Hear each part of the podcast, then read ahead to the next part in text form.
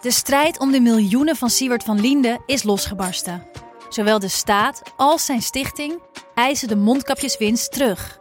Maar dat die opbrengst in ieder geval niet thuis hoort bij Van Linde, daarover kan toch eigenlijk geen twijfel bestaan. Hoe kon het zo ver komen? Dit is het. We hebben beet. En als Siewert het geld teruggeeft, kunnen wij dit schandaal dan eindelijk loslaten? Je hoort het in de Mondkapjesmiljonairs, exclusief bij Podimo. Ga naar podimo.nl/slash mondkapjes. Hallo, ik ben Jaap Jansen En die zagen een blad gaan met korenwijn. en ik maak met PG Kroeger En een half uur later weer een blad met korenwijn. een podcast Toen heeft het kabinet gezegd, dan stappen we op. waarin PG historische verhalen vertelt die ook veel zeggen over vandaag. Goed zitten zijn. Dit is een first voor mij. En waarin leiders en echte deskundigen vertellen hoe het werkelijk toegaat in Den Haag en in Brussel. En dan weet je hoe dat afloopt. De grote landen domineren, de kleintjes die worden onder de voet gelopen. Betrouwbare bronnen, Het is waanzin. Hoe is het mogelijk? twee keer per week in je favoriete podcast-app. Vind je dit een leuke podcast? Luister dan ook naar Veldheren Historisch. Die maak ik, Mart Kruif, samen met mijn zoon en geschiedenisleraar Tom de Kruif. Je hoort het al, wij doen dingen die je bij andere podcasten niet hoort. Oftewel, to boldly go where no one has been before. Zo behandelen we ook de slag om Alesia, waar Julius Caesar van twee kanten door de Galliërs werd aangevallen. Hij zou zo'n 1 miljoen Galliërs hebben uitgemoord. En Asterix en Obelix klopt niet. Zeker, en zo bespreken we ook markante veldheren en legendarische veldslagen uit de geschiedenis. Zo kom je bijvoorbeeld te leren waarom het jaar 1870 misschien wel het belangrijkste jaartal is in de geschiedenis. Luister dus Veldheren Historisch via Podimo. En als je je aanmeldt via podimo.nl slash veldherenhistorisch. Dan luister je 30 dagen gratis. Veldheren is een productie van Corti Media en WPG Studios. Kortie Media. In Veldheren ga ik, Jos de Groot, elke week voorbij de frontlijn in Oekraïne met twee generaals buiten dienst, Peter van Um en Mart de Kruif. Zij hebben een duidelijke missie: aan jou uitleggen hoe oorlog werkt. Iedere aflevering kijken we met hun ogen naar wat er nu gebeurt op het strijdtoneel en gaan we dieper in op één thema. Vandaag staan we uitgebreid stil bij de nasleep van de opstand van Wagnerbaas Prigozhin. Wat is er sindsdien gebeurd en wat zijn de gevolgen op het slagveld in Oekraïne? Je luistert naar Veldheren. En luister vooral ook naar Veldheren Extra, onze wekelijkse extra aflevering waarin Peter en Mart meer luisteraarsvragen beantwoorden. Tegen een kleine bijdrage kun je die afleveringen beluisteren via vriendvandeshow.nl slash veldheren. Voor we naar het slagveld in Oekraïne gaan, eh, nog even een opmerking. Vorige week hebben we uitgebreid in onze podcast eh, gepraat over de veteraan. Daarover kregen wij nog een eh, aanvulling eh, toegestuurd eh, per mail door Bart van Abelen. Hij is veteranen bedrijfsmaatschappelijk werker. Um, en hij schrijft ons het volgende, ik lees het even voor. Ik begrijp de strekking van generaal de Kruijf. Het overgrote deel van de veteranen is trots op wat ze in missiegebied hebben kunnen betekenen en op het werk dat ze hebben neergezet. Er rust echter nog altijd een taboe op het zoeken naar psychische hulp. Ongeveer 20% van de veteranen heeft aanpassingsproblemen na uitzending. Rond de 7% loopt PTSS op en 2% kampt met chronische PTSS-klachten. Dit is een iets minder enthousiast getal dan de genoemde 2%. Naar mijn idee horen bovenstaande twee punten naast elkaar te bestaan. De veteraan kan en mag of moet trots zijn op zijn werk in missiegebied en is in veel opzichten een meerwaarde voor de maatschappij. En een deel van de veteranen raakt beschadigd door het werk bij Defensie en verdient dan de juiste zorg zoals we dat ook in de Veteranenwet hebben vastgelegd. Goede aanvulling op wat we vorige week hebben besproken? Nou ja, waar we nooit een discussie over zullen hebben, is dat je de beste zorg moet leveren voor mensen die problemen hebben. Dat is helemaal waar. En, en laten we de wiskunde even apart zetten. Kijk, dat 20% van de mensen tijdelijk problemen als je terugkeert, is volstrekt logisch. Ik kon de eerste weken na Afghanistan niet slapen, omdat het stil was thuis. Terwijl ik sliep naast de landingsbaan op Kandahar Airfield, waar om de drie minuten een vliegtuig opsteeg en andersom. Dus dat heb je. Waarbij om gaat was de beeldvorming. En dat zag ik ook weer in de media afgelopen weken met Veteranendag. Heel veel gaat over veteranen hebben zorg nodig. En dat hebben ze ook nodig. Die discussie is er niet. Maar we hebben te weinig de focus op de meerwaarde van de veteraan voor de maatschappij. En dat vind ik jammer. Ja, en het gaat niet alleen om de herrie die je meemaakt. Maar uh, als jij in dit soort situaties zit als militair, dan sta je eigenlijk continu aan. Hè? Mart heeft het zelf ook gezegd dat hij in Afghanistan, hij stond continu aan. Uh, en dat geldt voor alle militairen, niet alleen voor die commandant. Eh, ze zijn continu alert. En dan kom je terug en dan hoef je niet meer alert te zijn. Ja, bij de een, die kan gewoon een knop uitzetten. Uh, en die zegt, nou, over, ik zit anders. Maar er zijn echt een heleboel mensen die hebben gewoon tijd nodig. En door gewoon te functioneren in hun gezin, als ze verlof hebben, weer te gaan werken. En in dat functioneren neemt langzamerhand die alertheid af. Want het is natuurlijk zo dat als jij in het missiegebied onmiddellijk dekking zoekt als je een grote knal hoort. Want het is heel simpel, als je overeind blijft staan met een explosie, dan ben je kwetsbaarder als dat je ligt. Als je dan door de straat heen loopt en er komt een, eh, een motor voorbij waarvan uh, ja, de motor niet goed afgesteld is en die laat een grote knal. Ja, dan is de kans groot dat jij onmiddellijk achter een auto in dekking gaat. Dan doe je zo'n automatisme. En dat moet een beetje uitdoven, om het zo maar te zeggen. En dat is die 20% waarvan uh, de, de vragensteller zegt van die mensen hebben aanpassingsproblemen. De, ja, van meer dan de helft van die mensen dooft dat gewoon langzamerhand uit uit en gaan ze weer normaal functioneren. Helder. Nou, dank voor de aanvalling in ieder geval aan uh, Bart van Abelen. Gaan wij kijken naar de actualiteit, naar wat er nu gebeurt in Oekraïne.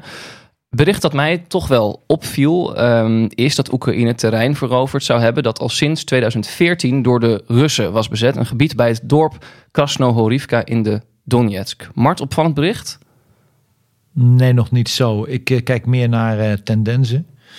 En ik zie wel dat met name in die omgeving, in uh, zie je wel dat er relatief veel trein wordt gewonnen. Maar het is voor mij nog te vroeg om te zeggen, zijn we nu van die inbraakfase aan het veranderen naar de doorbraakfase. Je weet dat de Russen hebben drie linies, dat noemen ze linie 0, uh, linie 1 en linie 2, liggen ongeveer 20 kilometer uit elkaar. Nou, door die eerste linie kun je heen breken. Waarschijnlijk is dat nu ergens uh, gebeurd. Maar de vraag is, breek je ook door die tweede en die derde linie heen? Is nog echt te vroeg. Aan de andere kant zeg ik, de komende twee weken moeten we gewoon wel kunnen zien of het offensief gaat slagen of niet. In die zin dat je veel terrein kunt winnen. Want je kunt de intensiteit van de gevechten nu ook niet al te lang volhouden. Hè? Het moet op een gegeven moment ook wel uitmonden in een resultaat of niet. En dat noemen we dan het, het culminatiepunt van zo'n offensief. Hè? Kun je nog doorgaan met de middelen die, die, die er extra in stopt? Win je dan nog steeds? Als dat niet zo is, dan moet je gaan nadenken over uh, een plan B. Ja, ik leef eigenlijk enorm mee met die Oekraïnse commandanten die die beslissingen moeten nemen. Ze hebben heel verstandig, denk ik, uh, geprobeerd om zwakke plekken te vinden in de Russische verdediging. Op allerlei manieren via hun inlichtingen, door, uh, door offensieve acties te doen. door uiteraard ook aan de Oekraïnse bevolking aan de andere kant te vragen van vertel eens hoe zit het daar. Dus ze hebben van alles erop gezet om uiteindelijk die zwakke plek te vinden. Ehm, ik heb hem nog niet echt zo ontdekt. Maar je kunt niet bezig blijven met het oppeuzelen van je vrij inzetbare middelen. Want dat doe je dan wel. Want overal probeer je, overal moet je troepen inzetten.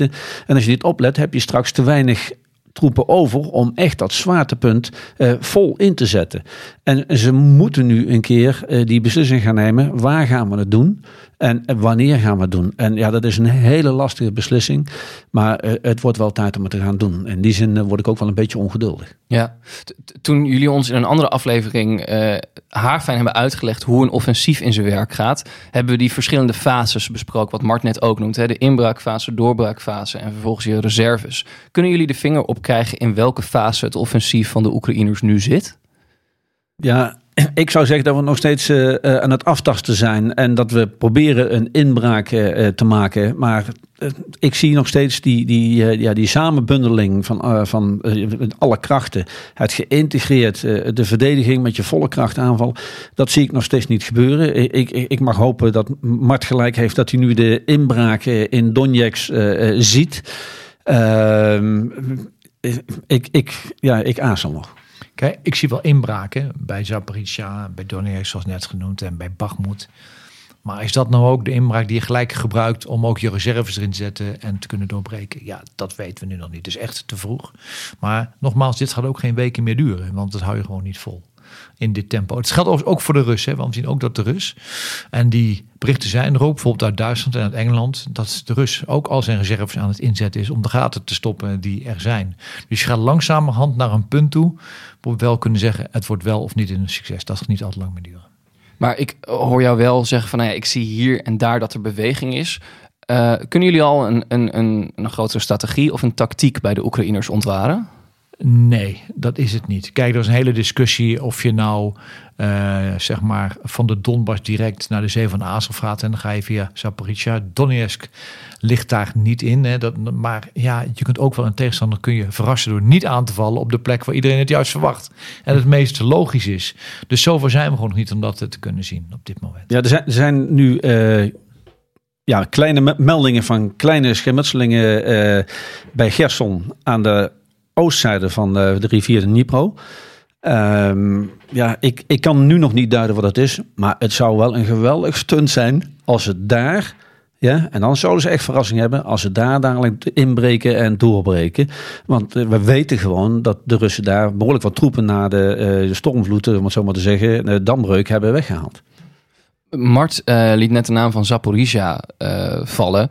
In de berichten die ik lees, zie ik best wel veel angst toch voorbij komen dat de Russen misschien bij die kerncentrale een actie gaan ondernemen. Is dat iets waar jullie nog, uh, nou ja, een scenario dat jullie redelijk achten?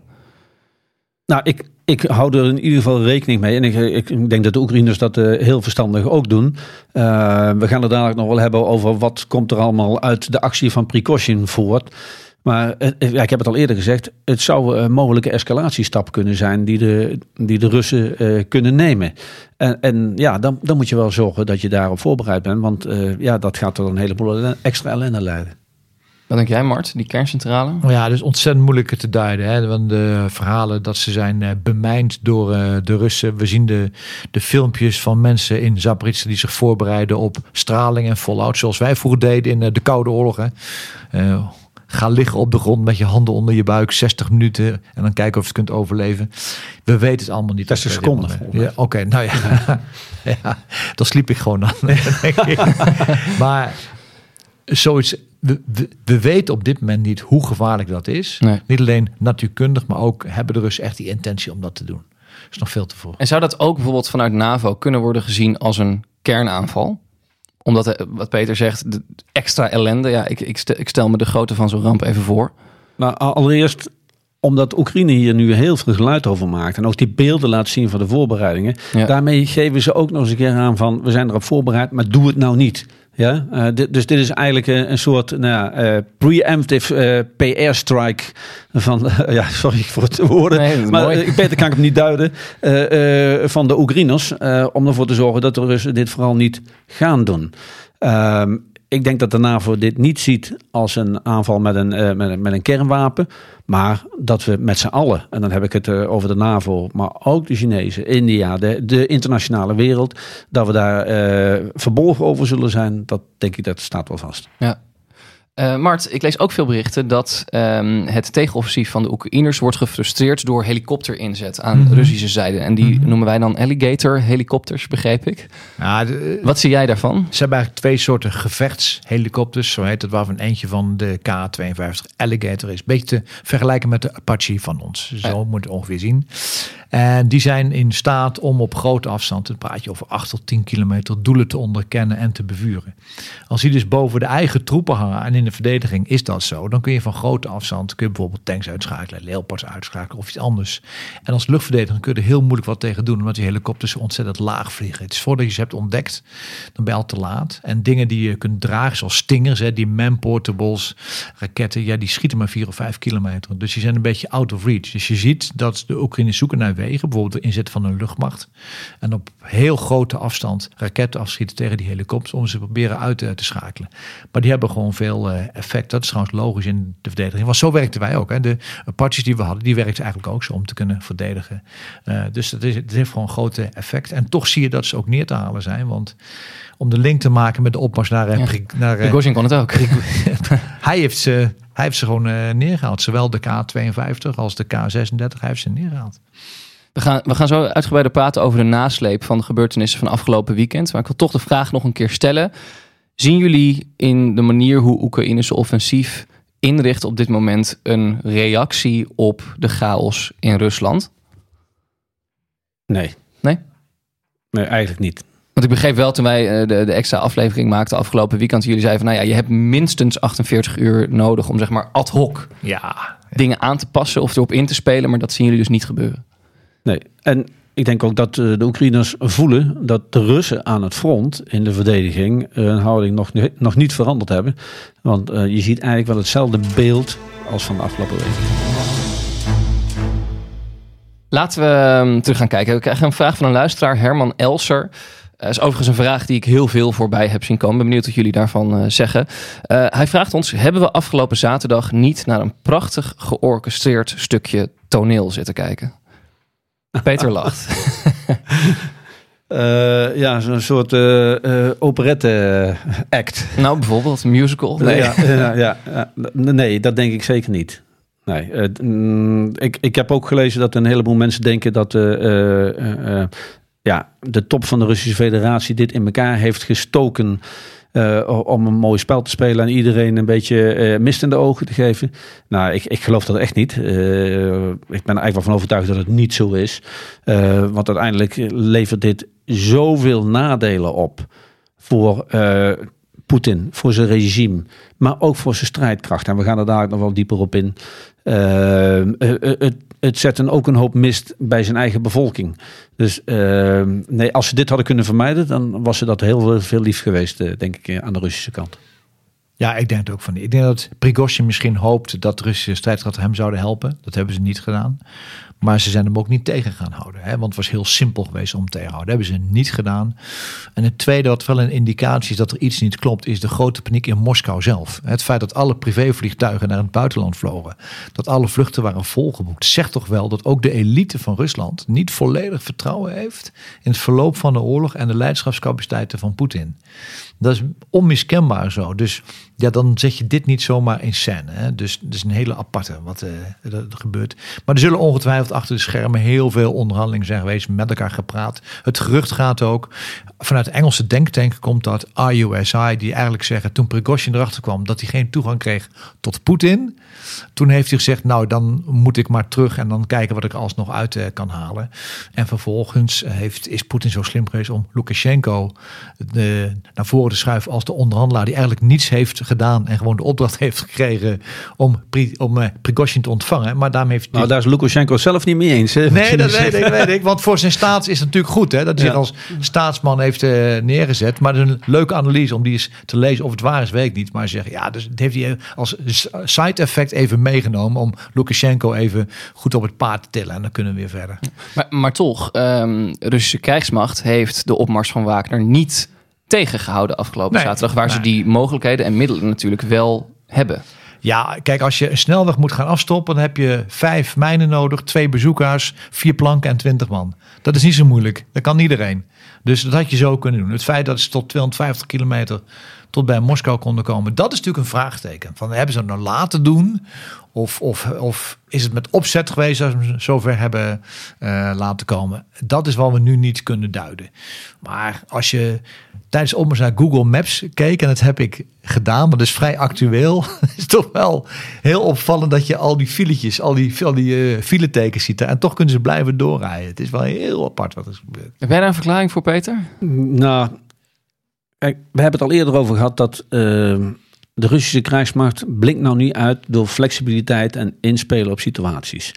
Ook hun eh commandostructuur eh, is niet even van snel besluiten nemen en tot, eh, tot wasdom laten komen. Dus sowieso hebben ze dan moeilijk om op dit soort dingen in te spelen. Dan is het ook nog eens een keer politiek gevoelig wat daar gebeurt. Dus iedereen kijkt in dat systeem toch naar die baas van wat gaan we doen? Ja? Of beter gezegd, wat ga jij doen? Dus ik denk dat een heleboel mensen op hun handen zijn blijven zitten. Niet alleen omdat ze eh, misschien enige vorm van loyaliteit of sy- sympathie voor Prigozhin voelden. Maar dat ze ook even naar boven hebben gekeken van ja, eh, wat gaat er gebeuren? Want als ik nu initiatieven ga nemen die jou onwelgevallig zijn, dan ligt dadelijk ook mijn hoofd op het hakblok. En dat is dus eh, de keerzijde van, van het systeem. Je hebt een heleboel controle erop, maar betekent ook dat iedereen vaak op zijn handen gaat zitten. Dus dat zal ongetwijfeld ook hebben meegespeeld. Daarnaast waren er natuurlijk niet zoveel eenheden meer in het achterland. Eh, het gros van de eenheden zit gewoon eh, richting front. Eh, wat wel opmerkelijk is, is dat ja, hij, hij kan altijd nog vertrouwen op zijn nationale garde. Poetin, waar heb ik het dan over? Kan altijd vertrouwen op zijn nationale garde. En eh, nu blijkt dat hij er blijkbaar toch niet zo op vertrouwt, want die krijgen zwaardere spulletjes. Dus zelf had hij ook niet zoveel vertrouwen in zijn eigen nationale garde. En zo zie je dat soms is het misschien ook wel een beetje onkunde en onmacht. Ja. We hadden net even de analogie van het uh, toneelstuk. Een mogelijk scenario daarin ehm, zou het volgende kunnen zijn. Hebben we ook heel veel uh, als vraag gekregen uh, over de mail. Onder andere van luisteraars Jeroen Kooijman, Pieter Jan van Rossum, Remco Brandt en Frits Hidden. Namelijk het volgende. De gehele Wagner-opmars naar Moskou zou een strategische misleiding kunnen zijn om snel de Wagner-troepen te kunnen verplaatsen ten noorden van Kiev. Denken jullie dat het realistisch zou zijn als Prigozhin vanuit Wit-Rusland een nieuwe aanval opent op Kiev? Moet Oekraïne niet heel snel het noorden gaan beschermen? Nee. Resoluut, Mart. Nee. Althans, niet meer dan dat ze nu doen. Nee. Nee. nee. Kijk, de... is echt, ik, heel veel mensen vragen. Het is ja, natuurlijk wel een logische denkwijze. En, ja. en, en, die, en uh, daarin denken in tijd en ruimte, hoe kan ik mijn tegenstander misleiden, is volstrekt logisch. Maar er zijn twee redenen waarom dat niet gaat gebeuren. Het eerste is, de Wagnergroep is relatief klein. De, je praat over 9000 mensen die in Rostov zaten, 3000 mensen met de opmars, geen 25.000, relatief klein. En de, als je daar moet vechten naar Kiev toe, dan heb je niet alleen een tegenstander, maar ook het terrein is buitengewoon ongunstig voor een aanvaller in Kiev. Je hebt een aantal naderingen door moerasgebied, uh, waterhindernissen. Dat is een enorme operatie die je niet zomaar uh, uh, gaat doen. Dus die kans daarop acht ik heel erg klein. bovendien, ze moeten ook even gaan resetten. Ze zijn ook nog niet zomaar klaar. Ze hebben wel wat gedaan de afgelopen weken en maanden. Ze zijn natuurlijk meer dan 20.000 manschappen verloren of gedood of gewond in de gevechten bij Bachmoed. Dus ook niet zo dat je een NS weer direct inzetbaar hebt. Maar uh, ik wil dan toch onze luisteraars wel een compliment maken. Zeker. Uh, dat ze op dit soort scenario's komen. Want uh, als jij gaat nadenken over de mogelijkheden van je tegenstander, moet je uiteindelijk ook het ondenkbare proberen te bedenken. zodat je kunt kijken welke risico's erin zitten. Dat je die risico's kunt afdekken. en dat je die scenario's min of meer kunt afvinken van nou dat gaat niet gebeuren. En als het gaat gebeuren heb ik het voor elkaar. dus dus je, moet, je moet altijd een beetje ja, idioot uh, creatief zijn als je in de, de schoenen van de vijand stapt. Uh, om te kijken welke mogelijkheden die allemaal heeft. Nou, dat doen onze luisteraars heel goed. Prettig uh, gestoord. Maar ik denk dat de snelwegen in Oekraïne niet zo snel te bereiden zijn als de snelwegen in Rusland. Kijk. Voor de Wagnergroep. Laat ik het daarbij houden. Nog een bemoedigende gedachte, denk ik. Um, hebben jullie eigenlijk zicht op? Die Wagnergroep is natuurlijk uh, het is heel diffuus geworden hè, na afgelopen weekend. Hebben jullie er zicht op waar die troepen nu zijn en of Rusland ze überhaupt op dit moment kan inzetten in Oekraïne? Nou, laat beginnen met zeggen dat Rusland de Wagnergroep niet kwijt kan spelen op dit moment. Want de Wagnergroep is, is de fysieke vuist in het buitenlands beleid van Rusland. Die zit in Centraal-Afrika, zit in Mali, zit in Soudaan, zit in delen van Azië. Die, daar kunnen ze niet zonder op dit moment. Bijvoorbeeld in Mali heeft de Wagnergroep zeg maar, de Fransen eruit gedrukt en de VN een stuk kleiner gemaakt. En hebben daar een groot deel van de macht, omdat ze daar optreden tegen de jihadisten. Uh, dus die kun je niet zomaar kwijt. Dus dat is het intrigerende wat er nu gebeurt. De Wagnergroep die heeft gevochten op de grond in Bakhmut is verbonden aan de entiteit van de Wagnergroep die vechten in Afrika en Azië en daar de buitenlandse belangen voor de Russen behartigen. Dus Poetin kan ze niet zomaar aan de kant zetten. Nou, in ieder geval in het buitenland niet. Daar ben ik met Mart eens. Maar in het conflict met de Oekraïne uh, zie je nu toch echt wel tekenen dat ze proberen uh, die Wagner eenheden, laat ik dan niet zeggen de Wagner groep, maar de Wagner eenheden, uh, zoveel mogelijk te binden aan de reguliere strijdkrachten. Uh, dus letterlijk hebben ze drie keuzes gekregen. Um, of je gaat uh, met jullie uh, leider Prikoshin mee naar Be Belarus, naar Wit-Rusland. Of je gaat naar de reguliere strijdkrachten. Of je gaat naar huis. dat zijn de keuzes. Nou, daarmee zijn ze dus echt doende om die Wagner-eenheden ja, in het gereel te krijgen, om het zo maar te zeggen. Of in ieder geval op te laten lossen. En uh, er zijn ook de eerste signalen dat Wagner-eenheden hun zware spullen uh, moeten gaan afstaan aan de reguliere strijdkrachten. Dus uh, ja, er worden ook een paar tanden uitgetrokken. Overigens wel, als je nou eens even uitzoomt wat er nou is gebeurd de afgelopen weekend. Hè? Dan ben ik eens even in de geschiedenis gedoken. En een muiterij is meestal geen goede voorbode voor uh, succes. Hè? In Rusland zelf kennen we de februari-revolutie in 1917, die eigenlijk werd veroorzaakt door het feit dat de Russische troepen niet meer konden vechten. Die hadden tien kogels per man om tegen de Duitsers te gaan vechten, brak over honger uit, noem maar op. Uiteindelijk heeft het natuurlijk geleid tot oktoberrevolutie, maar ook aftreden van de Tsaar en een wapenstilstand met de Duitsers. De Duitsers met Ludendorff en Hindenburg in 1918, begin 1918, zeiden tegen de keizer: Volgens mij moet stoppen met deze oorlog, want het gaat niet goed. Uiteindelijk ook geleid tot een wapenstilstand en het aftreden van de keizer. Maar ook de Amerikanen bijvoorbeeld in Vietnam. Als de steun in eigen huis wegvalt. En er is geen muiterij geweest, maar er zijn wel 500 Amerikaanse officieren door eigen troepen gedood naar schatting. Dat noemden ze fragging, 500. Ja, als het draagvlak voor de missie weg is, dan krijg je altijd op de duur gewoon een probleem. Soms is het niet zo. Bijvoorbeeld bij de muiterij bij de Fransen in 1917. Enorme muiterij, omdat generaal Nivelle vond zijn de bevelhebber dat hij een of andere heuvel moesten veroveren enorme buiterij. 500 eh, mensen ter dood veroordeeld. Overigens maar in 30 gevallen uitgevoerd. Toen moest je Pétain, de held van Verdun, nog even uit zijn asiel halen om weer eh, de troepen voor de troep te gaan en zeggen we gaan door met vechten en uiteindelijk toch met behulp van de Amerikanen die oorlog te winnen. Maar algemeen gezien, historisch, muiterij in de troep is altijd shit op termijn. Ja, dan wil ik toch wel een ander scenario even opgooien. Bij gang. Want ik hoor alleen maar verhalen dat dit uh, op de korte termijn en op de lange termijn slecht is voor Poetin en zijn regime. Op zich kan ik me daarin vinden. Maar ik sluit mijn ogen niet voor het scenario dat Poetin hier misschien nog veel sterker uitkomt. Want uh, iedereen die nou, in ieder geval kritiek heeft voor Poetin in zijn hoofd en het niet durft uit te spreken. Iedereen die bedenkingen heeft bij Poetin, die krabt nu wel tien keer op zijn kop voordat hij dat gaat uitspreken, laat staan tot actie gaat komen. En die hebben allemaal gezien, als je uh, tegen Poetin in wil, dan moet je uh, wel verdomd goed je act together hebben. Dan moet je het heel goed gepland hebben. Maar als je heel lang en heel goed plant, loop je ook het risico dat het bekend wordt. En uh, dan hebben ze je al te pakken voordat je maar begonnen bent. Dus op de langere termijn uh, zou het best wel zo kunnen zijn dat uh, hiermee uh, de steun aan Poetin versterkt wordt. Niet uit liefde of uit wil, maar gewoon uit onmacht. En voor dat scenario moeten we ook een open oog houden. Want misschien komt hij hier nog wel een beetje sterker uit uiteindelijk. Voor de luisteraars, dit is een leuk hè. Wij zijn het ook een keertje niet met elkaar eens. Nou, ik kan net zeggen, ja. historisch moment in houd onze, het in onze vast. Kijk, ik de, denk de meer... tijd gaat uitwijzen. Ja, dat, dat, dat, is weer het leuke. En ik denk meer dat het meer passief verzet is. Hè? Dat de troepen niet tot het uiterste gaan vechten. Dat je dus op het slagveld trein verliest en dat daardoor de druk op Poetin gaat toenemen. Hè? Dat, dat hij heel goed in staat is met zijn eigen garde uh, en met zijn eigen macht mensen te onderdrukken. Dat is wel evident. Maar het is maar de passiviteit die je kunt doen door dingen juist niet te doen, waardoor je Poetin ook kunt verzakken. Maar het leuke is, we gaan het zien. We gaan het zien. Ja, zeker. Dus, maar de, de, de meest waarschijnlijke uh, is zonder meer dat Poetin hier schade van oploopt en op langere termijn uh, hier ook pijn van heeft. Dus daar is mij geen twijfel over. Maar ik verbaas me over het feit dat niemand die andere kant ook belicht. Uh, en dat die mogelijkheid er gewoon ook is. En, ja. en dan moeten we het echt in de gaten houden. Ja? En, en Mart gaat dan onmiddellijk naar de effectiviteit van de troepen toe. ja, dat, is, dat is een ander verhaal. Hoezo is dat een ander verhaal? Ja, de, de, de, wat de troepen aan het front doen, ja. Uh, ik geloof dat Mart het van uh, afgelopen weekend al zei. Uh, dit kun je niet weghouden bij de troepen. Die hebben dit allemaal meegekregen. Ja. En die hebben dus ook meegekregen dat wat Prikoshin zei over wat was nou de werkelijke reden voor het beginnen van deze oorlog. Dus ja, die, die lui in, de, in de loopgraven, die zitten ook bij elkaar van, wat hebben we nou?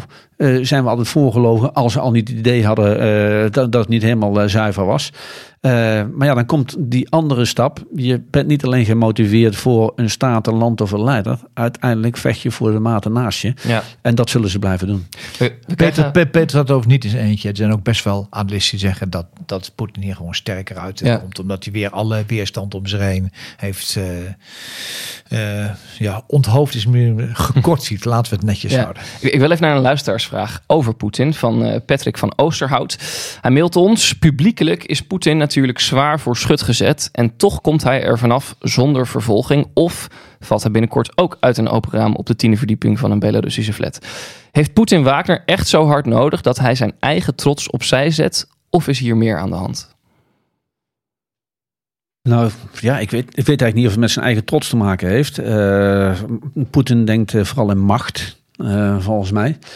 En ja, ik denk dat hij zo uit deze situatie kon komen. Wat Mart net al zei, hij heeft Lukashenko gewoon als een pion ingezet. Ja, maar mag het een loper zijn in het schaakspel, dan geen pion.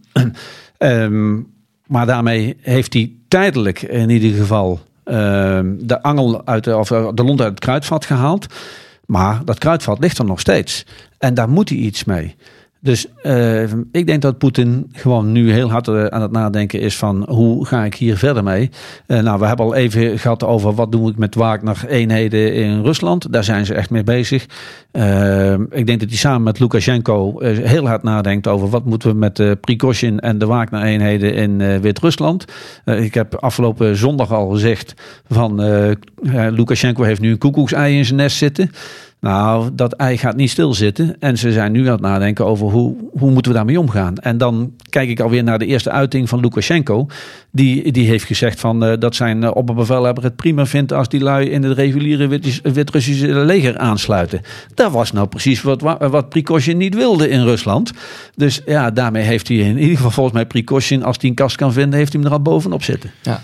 Kijk, het interessante is, is natuurlijk wel dat Poetin er helemaal van uitgaat dat hij deze oorlog kan winnen in tijd, omdat hij denkt dat het Westen eerder barsten gaat vertonen in de steun dan Oekraïne, dan dat de Russen dat doen. Dat de Russen eenheid van inspanning hebben. Ja, terwijl ik zag de Volkskrant dit weekend een artikel, uitgebreide analyse. Poetin is zijn belangrijkste wapen kwijt, namelijk de tijd, die jij ook steeds hebt genoemd, Mart. Zeker, ja. En dus eigenlijk zie je dat het Westen nog eenheid heeft van inspanning en ondersteuning en dat het eigenlijk aan de andere kant begint te kraken. Dat is natuurlijk wel opvallend. Nogmaals, het kan best een incident zijn. Hè? Maar Poetin speelt op tijd. Dit zal hem niet echt helpen in de overtuiging dat tijd hem echt aan de overwinning kan helpen. Nou, ik weet niet of Mart het met me eens is, maar... Uh, um, Nog een keer ik oneens zie, ik ook, zie, nee, maar ik, ik, Fijn dat de Volkskrant dat schrijft. Maar uh, ik zie nog geen tekenen uh, van een gewijzigde houding van, van Poetin hierin. Nee, nee, en hij heeft nog steeds de tijd. En hij denkt niet in weken. Hij denkt misschien niet in maanden. Hij denkt gewoon desnoods in een jaar, jaren. En, en dat, dat middel heeft hij nog steeds. Ehm, dus ja, voor mij is er, voor Poetin is dit een eruptie geweest... Uh, die gaat hij uh, proberen uh, weer te repareren. En dan gaat hij door waar hij mee bezig was. Maar hij kan nog niet anders. Hè? Ik bedoel, sinds de eerste tien dagen dat snel succes niet mogelijk was, had hij maar één optie. En dat is op de tijd waar spelen. Dat is de enige optie die hij heeft. Ja. Ik krijg een luisteraarsvraag van Tim van Ham en Geert Oosterwijk. Um, is misschien ook wel een stukje in de toekomst kijken. Maar zij vragen zich af, als het regime van Poetin eindigt, waar zien jullie hem dan eindigen? Voor het strafhof in Den Haag, in ballingschap of in de kist? Nou, ik denk dat uh, in Den Haag, dat zie ik eigenlijk niet gebeuren. Terwijl we wel die activiteiten door moeten zetten. Dat vind ik gewoon, uh, dat, dat, is gewoon ja, zoals een rechtsstaat zou moeten principieel werken. Moet je ja, dat principieel doen. moeten we dat blijven doen. Um, maar ja, ik, ik vind dit een uh, scenario wat ik niet zo waarschijnlijk vind. Uh, ik denk dat hij nog steeds de macht heeft en uh, in het zadel zit en ook weer goed in het zadel komt. Hij schudt even.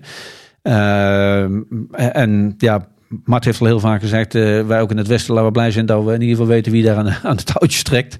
Um, dus ik huiver ook wel een beetje als Poetin aan de kant gaat van wie komt er dan? en ja, de nationalisten hebben een hele grote mond. Ehm, nou, die gaan Poetin volgens mij niet uitleveren. Uh, dus dan is de keuze heel simpel. Uh, dan, daar heeft de vragensteller dan wel uh, gelijk in. Dan overlijdt Poetin of hij wordt ergens opgebost. en wat ik al eerder heb gezegd, dan is het niet alleen Poetin, maar zijn hele clan gaat er dan aan. Ja. Ja. Ik zie je nadenken. Nee, nee, eng, eng, eng, eng. ja. Hè, en de echte, natuurlijk cruciale vraag is is Poetin Poetin of is Poetin ook een pion in een veel groter machtsspel binnen Rusland zelf en kan die worden vervangen? Ja. Wat eerlijk antwoord is dat ik dat niet weet. Nee, en dat gaan we ook niet achterkomen vandaag waarschijnlijk. Waar denken jullie dat Prigozhin gaat opduiken? Nou ja, de signalen zijn dat die uh, in ieder geval in Wit-Rusland is ja, dat, dat bericht lijkt nu bevestigd ja, te dat, worden. Dat, ja. Dus uh, Lukashenko heeft het ook bevestigd. Nou, die, die zit nu volgens mij zijn knopen te tellen. Uh, Uh, en van wat, waar ben ik aan begonnen en hoe kom ik hier, uh, mag, mag ik het wel zeggen, uh, structureel levend uit. Ehm, hij moet zijn, eh, zijn hele ja, wereld die hij heeft opgebouwd, moet hij herzien. Ehm, hij moet proberen nu aan damage control te doen, om het maar zo maar te zeggen. Hoe kan ik de schade zoveel mogelijk beperken en toch mijn, mijn, bedrijf, mijn, ja, wat ik heb opgebouwd, eh, zoveel mogelijk overeind houden. Hij zal dus in ieder geval in gesprek moeten met Lukashenko. Die, die, de, de, Wit-Russen hebben al signalen gegeven. Nou, jouw mensen kunnen prima onze krijgsmacht op een hoger niveau brengen. Uh, dan denk ik, uh, welk, welk hoger niveau? Want uh, ja, soldaten die goed kunnen vechten hoeven nog helemaal geen goede instructeurs te zijn. En, en, leren ze dan wel de juiste dingen? Want Wagner heeft allerlei dingen gedaan die gewoon het daglicht niet kunnen verdragen. Ehm, dus ja, maar ze moeten iets met die lui. Dus daar zal hij voor in gesprek moeten. Dan zal hij proberen om toch nog grip te blijven houden op de Wagner-eenheden in Rusland. Ik denk dat een, dat een verloren gevecht gaat, voor hem gaat worden. Uh, en hij moet proberen uh, in leven te blijven. En dat is misschien nog moeilijk genoeg. Dat wordt nog moeilijk genoeg voor hem. Ik zou, als ik hem was, goed omheen kijken. Ja. Um, denken jullie dat hij nou uiteindelijk vrij uitgaat na die muiterij? We hebben al besproken de, de, de schaamte eigenlijk die het voor Poetin betekent. Dat dit heeft, is, heeft kunnen gebeuren. Dat Poetin op nationale televisie moest gaan. Denk je dat Prigozhin dit uiteindelijk... Ja, kijk. Ja, er goed vanaf brengt. De tendens is dat Poetin niet al te zachtzinnig met zijn tegenstanders omspringt. Ja. Wie het ook is. Of Hij spreekt nou, nog steeds zijn naam niet uit. Om nee, of het nou eh, Navalny noemen. is of, of eh, eh, eh, eh, Poetin is gewoon heel hard als je praat over eh, tegenstanders. En als je dat in dit daglicht zet, dan heeft het geen zin om nu op te gaan treden. Want er is een zogenaamde deal, maar natuurlijk wel een wolk van dreiging overheen, zeker in tijd. Maar de vraag natuurlijk is, is de regie op geweest op de actie van Prigozhin of niet? In hoeverre heeft het Kremlin dit van tevoren geweten of niet? Dat weten we op dit moment niet. Dat is echt een unknown, unknown. Maar als je alles bij elkaar optelt, en vooral de paniek in Moskou, en vooral dat, wat dat heeft veroorzaakt, en, en dat heeft natuurlijk Poetin echt pijn gedaan, dat heel veel mensen om zich heen zag die ongeacht zijn persoon weggingen, ja, dat komt een keer terug. Ja. Maar ja, ik denk toch echt dat de, de veiligheidsdiensten in Moskou, die zijn allemaal even op het matje moeten komen. Eh, en die hebben het horen gekregen, hoe kan het nou eh, dat dit gebeurd is? Hoe kan het dat de Amerikanen zeggen dat ze dat al eerder wisten? Dus, eh, dus iedereen kijkt daar weer naar elkaar van, oeps, eh, wie had er al wat aan kunnen doen? Wie had een signaal? Eh, waarom hebben we informatie misschien niet eh, samengebonden? En dan hadden we wel een goed plaatje neer kunnen leggen. Dus ik denk dat er een heleboel eh, eh, ongelukkig zijn eh, in Moskou. Aan de andere kant zie je dat Poetin met een hoop weg kan komen. Want daar waar volgens hun wet dus al die private military companies, hè, eh, dat mag helemaal niet in Rusland, eh, hebben ze het altijd gedoogd. Maar nu heeft Poetin gewoon openlijk gesteld dat hij altijd Wagner gefinancierd heeft. Dus hij geeft openlijk toe dat hij dus eigenlijk altijd tegen de wet in heeft gehandeld. En iedereen slaapt gewoon door in Rusland. Ja. Ja, ik moet ook altijd lachen als je die beelden ziet van een meeting met Poetin met zijn veiligheidsraad. En dat maakt nooit de indruk dat daar een levendige discussie plaatsvindt. dat is gewoon een soort bevelsuitgifte, zouden we zeggen. Van, Een hoe, sorry, een? Een bevelsuitgifte van pak papier, pak papier, pak een pen en ga schrijven. Dit ga je doen. Ja, ja, ja. En dus de vraag is, in hoeverre wordt Poetin ook wel geïnformeerd over wat er allemaal speelt? Hè? Dat is een vraag die we wel vaker hebben gesteld. Dat weet niet. In hoeverre is hij afgesloten en zeggen mensen alleen maar tegen hem dingen die hij wil horen? En misschien is hij daarom wel verrast. Ja. Ja, en hij, gaat, en hij gaat echt bewegen. Ik bedoel, eh, de signalen zijn dat, dat eh, de veilig, een van de veiligheidsdiensten, de FSB, die is in ieder geval bij Concord, het bedrijf van Precaution, binnengevallen. Eh, hebben daar allerlei spullen meegenomen. En ik begrijp ook een groot bedrag aan, aan dollars hebben ze meegenomen. Eh, er was gezegd dat de FSB een actie was begonnen, een onderzoek was begonnen. Dat zou gestopt zijn. Eh, nu is dit eh, toch ook gebeurd. Dus ik denk dat er eh, alles in beweging wordt gezet om Precaution op een gegeven moment echt helemaal buitenspel te zetten. Ja. Nu eh, maken wij een militaire podcast. Eh, de geopolitiek laten we meestal eh, over aan de conculega's van Boekestein en de Wijk, zou ik zeggen. Maar ehm, laten we toch nog ook even met die bril kijken naar wat er is gebeurd de afgelopen dagen. Want hoe denken jullie bijvoorbeeld dat de, nou, de chaos in Rusland doorwerkt in de steun van het Westen aan Oekraïne? Nou, volgens mij wordt het Westen alleen maar gesterkt in eh, de lijn die ze hebben. Blijf van Rusland af, maar probeer je eigen land weer te bevrijden. Eh, dus, want we zien hoe onvoorspelbaar in Rusland dingen kunnen zijn. Je weet niet hoe ze reageren. Uh, dus uh, ik denk dat het een verstandige lijn is die uh, vastgehouden wordt. en ja, we hebben, en daar gaan we in, misschien in de volgende uitzending nog wel over praten. de NAVO-top komt eraan. En daar moet iedereen van het Westen weer elkaar bij de hand vasthouden. Ja, kijk, als je het gevoel hebt dat al je inspanningen nergens toe leiden, is dat heel vervelend.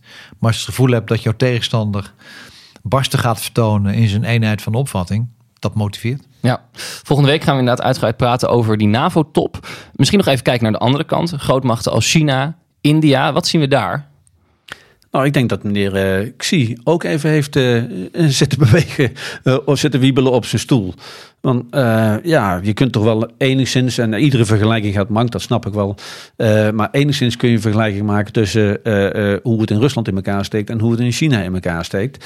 En ja, de Chinezen zien nu dat ja, zo'n zo'n één man aan de top die het voor het zeggen heeft, die kan dus toch aan het wankelen worden gebracht. En uh, dat is iets wat we in China natuurlijk niet willen. Daarnaast willen ze als Rusland gewoon een nou, stabiele buurman hebben. Die, uh, en de rollen zijn echt omgedraaid in de afgelopen jaren. Uh, die nu afhankelijk is van China.